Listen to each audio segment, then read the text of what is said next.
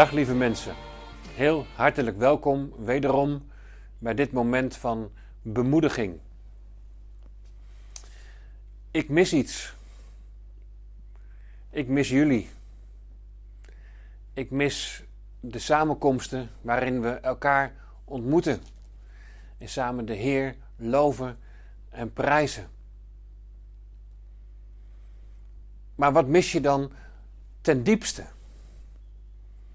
En, en daar zou ik met jullie zo even een moment met elkaar over na willen denken. En de vorige keer, toen hebben we stilgestaan bij Handelingen 1, vers 14. En daar hebben we gelezen dat de discipelen van Jezus uh, eensgezind volharden in bidden en smeken. En eensgezind, dat betekent je hebt samen hetzelfde verlangen. Je bent van hetzelfde begeren. Je ziet samen uit naar hetzelfde. Nou, wat de discipelen betreft, was dat de belofte van de Vader. En dat de Heilige Geest over hen zou komen. En dat ze kracht zouden ontvangen. Bekwaam gemaakt zouden worden. Om getuige te zijn van de Heer Jezus Christus. Dat ze zouden gaan getuigen van de grote daden van God. En daar zien ze met verlangen naar uit. Wat is jouw verlangen? Is ook dit jouw verlangen? om een getuige in jouw leven te zijn van de opgestane Heer. En, en proef je dat ook als een gezamenlijk verlangen? En samen met broeders en zusters om je heen. Die ook de Heer Jezus kennen en samen dat verlangen hebben om te getuigen van Jezus die leeft. En die leven geeft. Wat is jouw diepste verlangen? Nou, als je bidt en smeekt, dan, dan smeek je omdat het je aan iets ontbreekt. En dan smeek je, heren, vervul mij met uw heilige geest. Vervul mij met uw kracht en maakt u mij bekwaam om een getuige van u te zijn. En de, de klok die tikt door. Het is al bijna weer 50 dagen na Pasen. En op de vijftigste dag dan vieren we Pinksteren, dat is aanstaande zondag. De klok die tikt door. De tijd die gaat door. En met elkaar bereiden we ons voor op het Pinksterfeest. We willen met elkaar gedenken dat de Heilige Geest van God is uitgestort. En als je begint te lezen in Handelingen 2, wat over het Pinksterfeest gaat, dan, dan lees je wederom over datzelfde woordje eensgezind. Lees maar mee, Handelingen 2, vers 1. En toen de dag van het Pinksterfeest vervuld werd, waren zij allen eensgezind bijeen. Het Pinksterfeest wordt vervuld. Letterlijk staat hier de vijftigste dag wordt vervuld. En waarom hebben wij dan vertaald met Pinksterfeest en met Pinksteren? Nou, het Griekse woord is Pentakoste. En we weten dat dat in Engelstalige gebieden een Pinkstergemeente een Pentecostal Church wordt genoemd. En daar is ons woordje Pinksteren ook weer van afgeleid. Maar letterlijk staat hier dus dat de vijftigste dag aanbreekt na Pesach en dat die vijftigste dag wordt vervuld. Dat vervuld betekent er is een schaduw. En dat is Shavuot, dat is het wekenfeest wat de Joden vieren op deze dag. En dat wordt hier, dan op dat moment, hier in Handelingen 2, wordt dat vervuld in de uitstorting van de Heilige Geest. De Geest die woning maakt in de gelovigen, in hen die de Heer Jezus als heiland en als Heer beleiden. En ze zijn daar eensgezind wederom bijeen, van hetzelfde verlangen. En waar, wat ik met jullie wil bekijken is, wat gebeurt er nu eigenlijk? Wat is nou eigenlijk het gevolg van die uitstorting van de Heilige Geest? En hoe laat ons dat zien wat we op dit moment missen? Nou, een heel groot verschil dat we zien is uh, bij Petrus. Petrus is een ander mens geworden. En voor de, voor de kruisiging en opstanding verloochent hij nog de Heer Jezus. Is hij best wel onzeker, bang, bang voor zijn eigen hachie. En allemaal best goed te begrijpen. Maar na de Pinksterdag, als de Heilige Geest is uitgestort, dan staat hij op. En dan verkondigt hij met kracht door de Heilige Geest de boodschap dat de Heer Jezus de Messias is. Dat hij gekruisigd is, maar ook dat hij weer is opgestaan en opgevaren naar de hemel. En dan heeft hij best een hele confronterende boodschap. En dat, dat besluit met uh, Handelingen 2, vers 36. En dan zegt hij: Laat heel het huis van Israël dan weten dat de Heere God hem, de Heere Jezus, tot Heere heeft gemaakt, tot Curios. En dat hij hem tot Messias, tot gezalfde gemaakt heeft.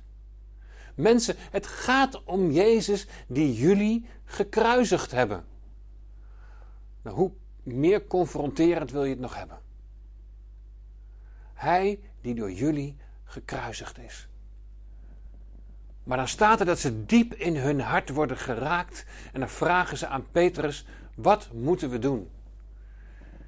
En dan zegt Petrus: bekeer je, laat je dopen, je zult de Heilige Geest ontvangen. Bekeer je, keer je af van je leven dat op jezelf gericht was, een leven in zonde, een leven dat van God afgekeerd was en keer je naar Hem. Bekeer je en laat je dopen. We hebben al lang geen doopdienst meer gehad. Het hele jaar nog niet, of het hele seizoen nog niet. En ik kan me bijna niet voorstellen dat er niet mensen zijn die gedoopt zouden willen worden. Maar misschien denk je bij jezelf: ach ja, dat kan nu niet en we schuiven het maar even voor ons uit. Dan zeg ik wat niet kan, dat is nog nooit gebeurd. En ik zou je echt willen aanmoedigen om niet uit te stellen. Maar als je weet, de Heer heeft mij geroepen om nu gedoopt te worden, dat je dat ook kenbaar naar ons maakt. En dan vinden we daar een weg in. Uiteraard met inachtneming van alle regelgeving. Maar waar een wil is, daar is een weg. En daar zullen we ook dopen. Mensen komen tot bekering, laten zich dopen, ze ontvangen de Heilige Geest. En dan zien we dat diegenen die zijn woord met vreugde aannamen, dat die werden gedoopt en dat er ongeveer 3000 zielen werden toegevoegd op die dag. Handelingen 2, vers 41. En dan komen we bij, bij het gemeenteleven. De eerste gemeente. De gemeente ontstaat en dan staan er een aantal aspecten van dat gemeente zijn. En het zijn er vier die hier genoemd worden. En dat is natuurlijk niet uitputtend. Dat kan nog veel meer zijn. Maar vier hele belangrijke dingen worden hier genoemd. Ten eerste, ze volharden in het onderwijs van de apostelen. In de leer van de apostelen, het onderwijs. En ze, ze volharden in de gemeenschap. Ze volharden in het breken van het brood en de gebeden. En wat ik eruit zou willen lichten, om daar op dit moment met elkaar bij stil te staan, is dat woordje gemeenschap. Koinonia. Ik mis iets. Ik mis iets in die koinonia, in die gemeenschap. Nou, waar gaat het nou ten eerste om bij die gemeenschap? Nou, het allereerst gaat het om onze gemeenschap met God, onze gemeenschap met de Heer Jezus Christus. En je kunt dat heel duidelijk lezen in de eerste brief van Paulus aan de Corinthiërs, in 1 Korinthe 1, vers 9. Daar staat namelijk: God is getrouw door wie u geroepen bent tot. Dus als er staat tot, dan betekent dat nu komt het doel waarvoor je geroepen bent, tot de gemeenschap van zijn Zoon Jezus Christus, onze Heer. Tot gemeenschap met zijn Zoon Jezus Christus, onze Heer. En die gemeenschap die is er door de Heilige Geest die in je woont.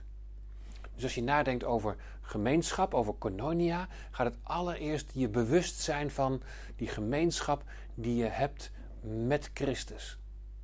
En die gemeenschap heb je niet alleen, maar die heb je gezamenlijk. Die hebben wij gezamenlijk met elkaar als broers en zussen, als kinderen van onze Vader. Je leest hetzelfde over die gemeenschap en allereerst die gemeenschap met God de Vader en zijn Zoon en van daaruit die gemeenschap met elkaar in de eerste brief van Johannes. Dan zullen we daar ook nog even heen bladeren. 1 Johannes 1 vanaf vers 1. En daar lezen we het volgende.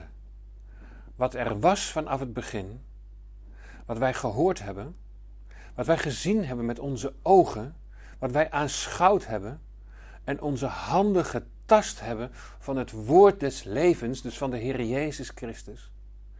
Want het leven is geopenbaard. En wij hebben het gezien. En wij getuigen en verkondigen u het eeuwige leven. Zie je weer getuigen en verkondigen, net als in Handelingen 1. En verkondigen van het eeuwige leven dat bij de Vader was en aan ons is geopenbaard. Wat wij gezien en gehoord hebben, dat verkondigen wij u, opdat. Dan komt dus weer het doel van de verkondiging. Het doel van het getuigen.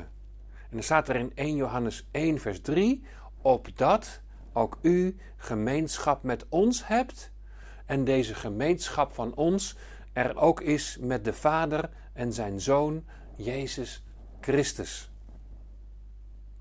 Het doel is gemeenschap met de Heer Jezus Christus door zijn geest, maar van daaruit ook gemeenschap, koinonia met elkaar. En waarom is dat zo belangrijk? Nou, in vers 4 daar staat deze dingen schrijven wij u, opdat uw blijdschap volkomen wordt. En je kunt misschien best wel wat droevig zijn en die momenten ken ik ook. Dat je er zo van baalt waar we in terecht gekomen zijn. Dat je er zo van baalt dat je elkaar niet kunt ontmoeten. Dat je elkaar niet kunt zien, althans heel beperkt. Maar als die geestelijke werkelijkheid van die gemeenschap weer doordringt, dan komt daar toch weer die blijdschap voor terug. Dan komt daar toch die blijdschap voor in de plaats.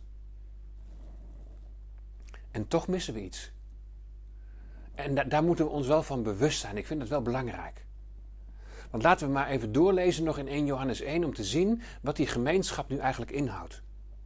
En dan staat het, en dit is de boodschap die wij van Hem gehoord hebben en aan u verkondigen.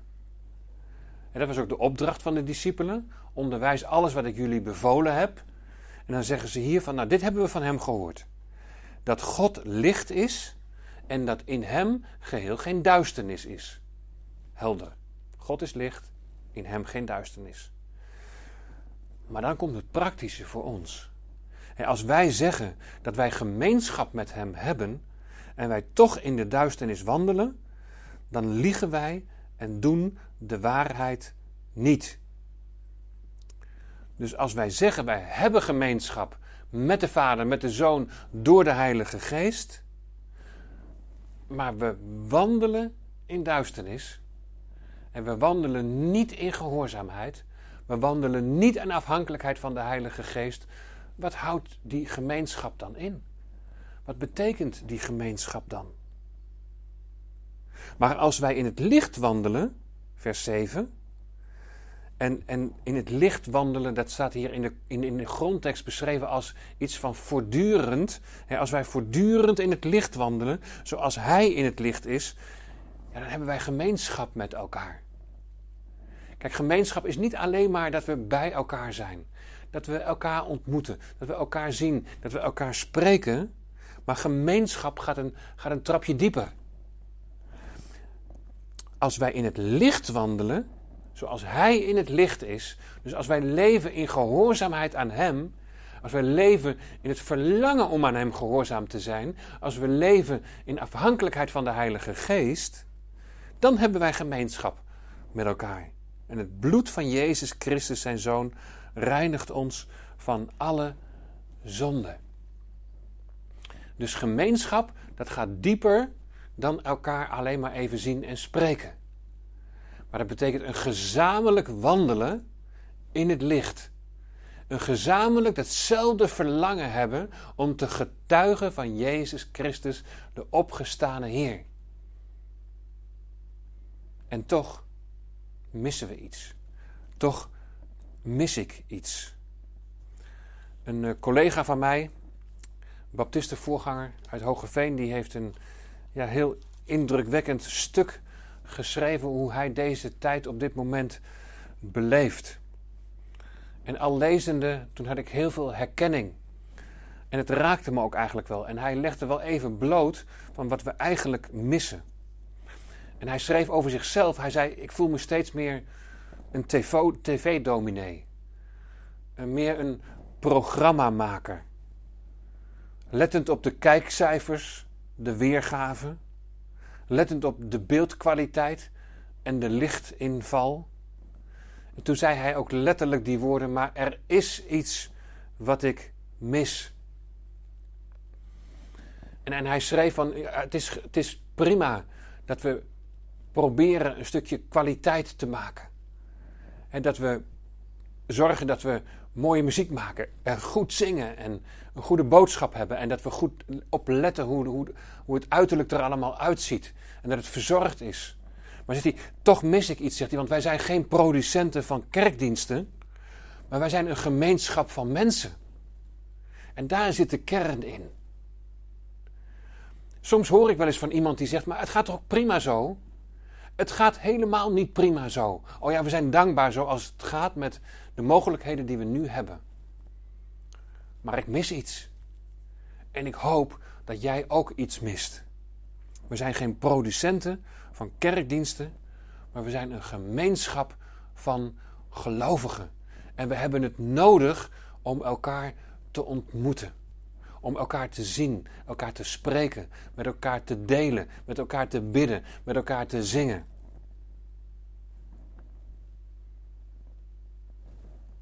Ik mis iets. Maar dan wel die gemeenschap in die zin van samen wandelen in het licht. En ons aan elkaar daar soms ook even weer in scherpen. Als er ergens iets misgaat, of als ik zondig. Maar dat we zo samen onderweg mogen zijn met dat eensgezinde verlangen dat Jezus Christus zichtbaar zal worden. Ik mis iets. Maar wat doen we met dat gemis? De discipelen gingen bidden en smeken. Zullen wij ook bidden en smeken? Niet alleen nu, maar ook in de tijd die voor ons ligt. Laten we samen ons buigen voor onze Heer. Vader in de hemel, wij bidden en wij smeken u. Heer, we missen iets. Oh ja, natuurlijk, Heer, zijn we door uw geest met elkaar verbonden. En natuurlijk is die eenheid er in u. Heer, maar we missen het zo. Om elkaar te ontmoeten. We missen zo, Heer, om dat gezamenlijke verlangen tot uitdrukking te brengen. Samen getuigen te zijn van u, Heer Jezus, opgestane Heer. Hier hebben we tegen elkaar gezegd, als we smeken, dan drukken we daarmee uit dat het ons aan iets ontbreekt. En dan gaat het niet alleen maar om onze eigen persoonlijke verlangens die op onszelf gericht zijn.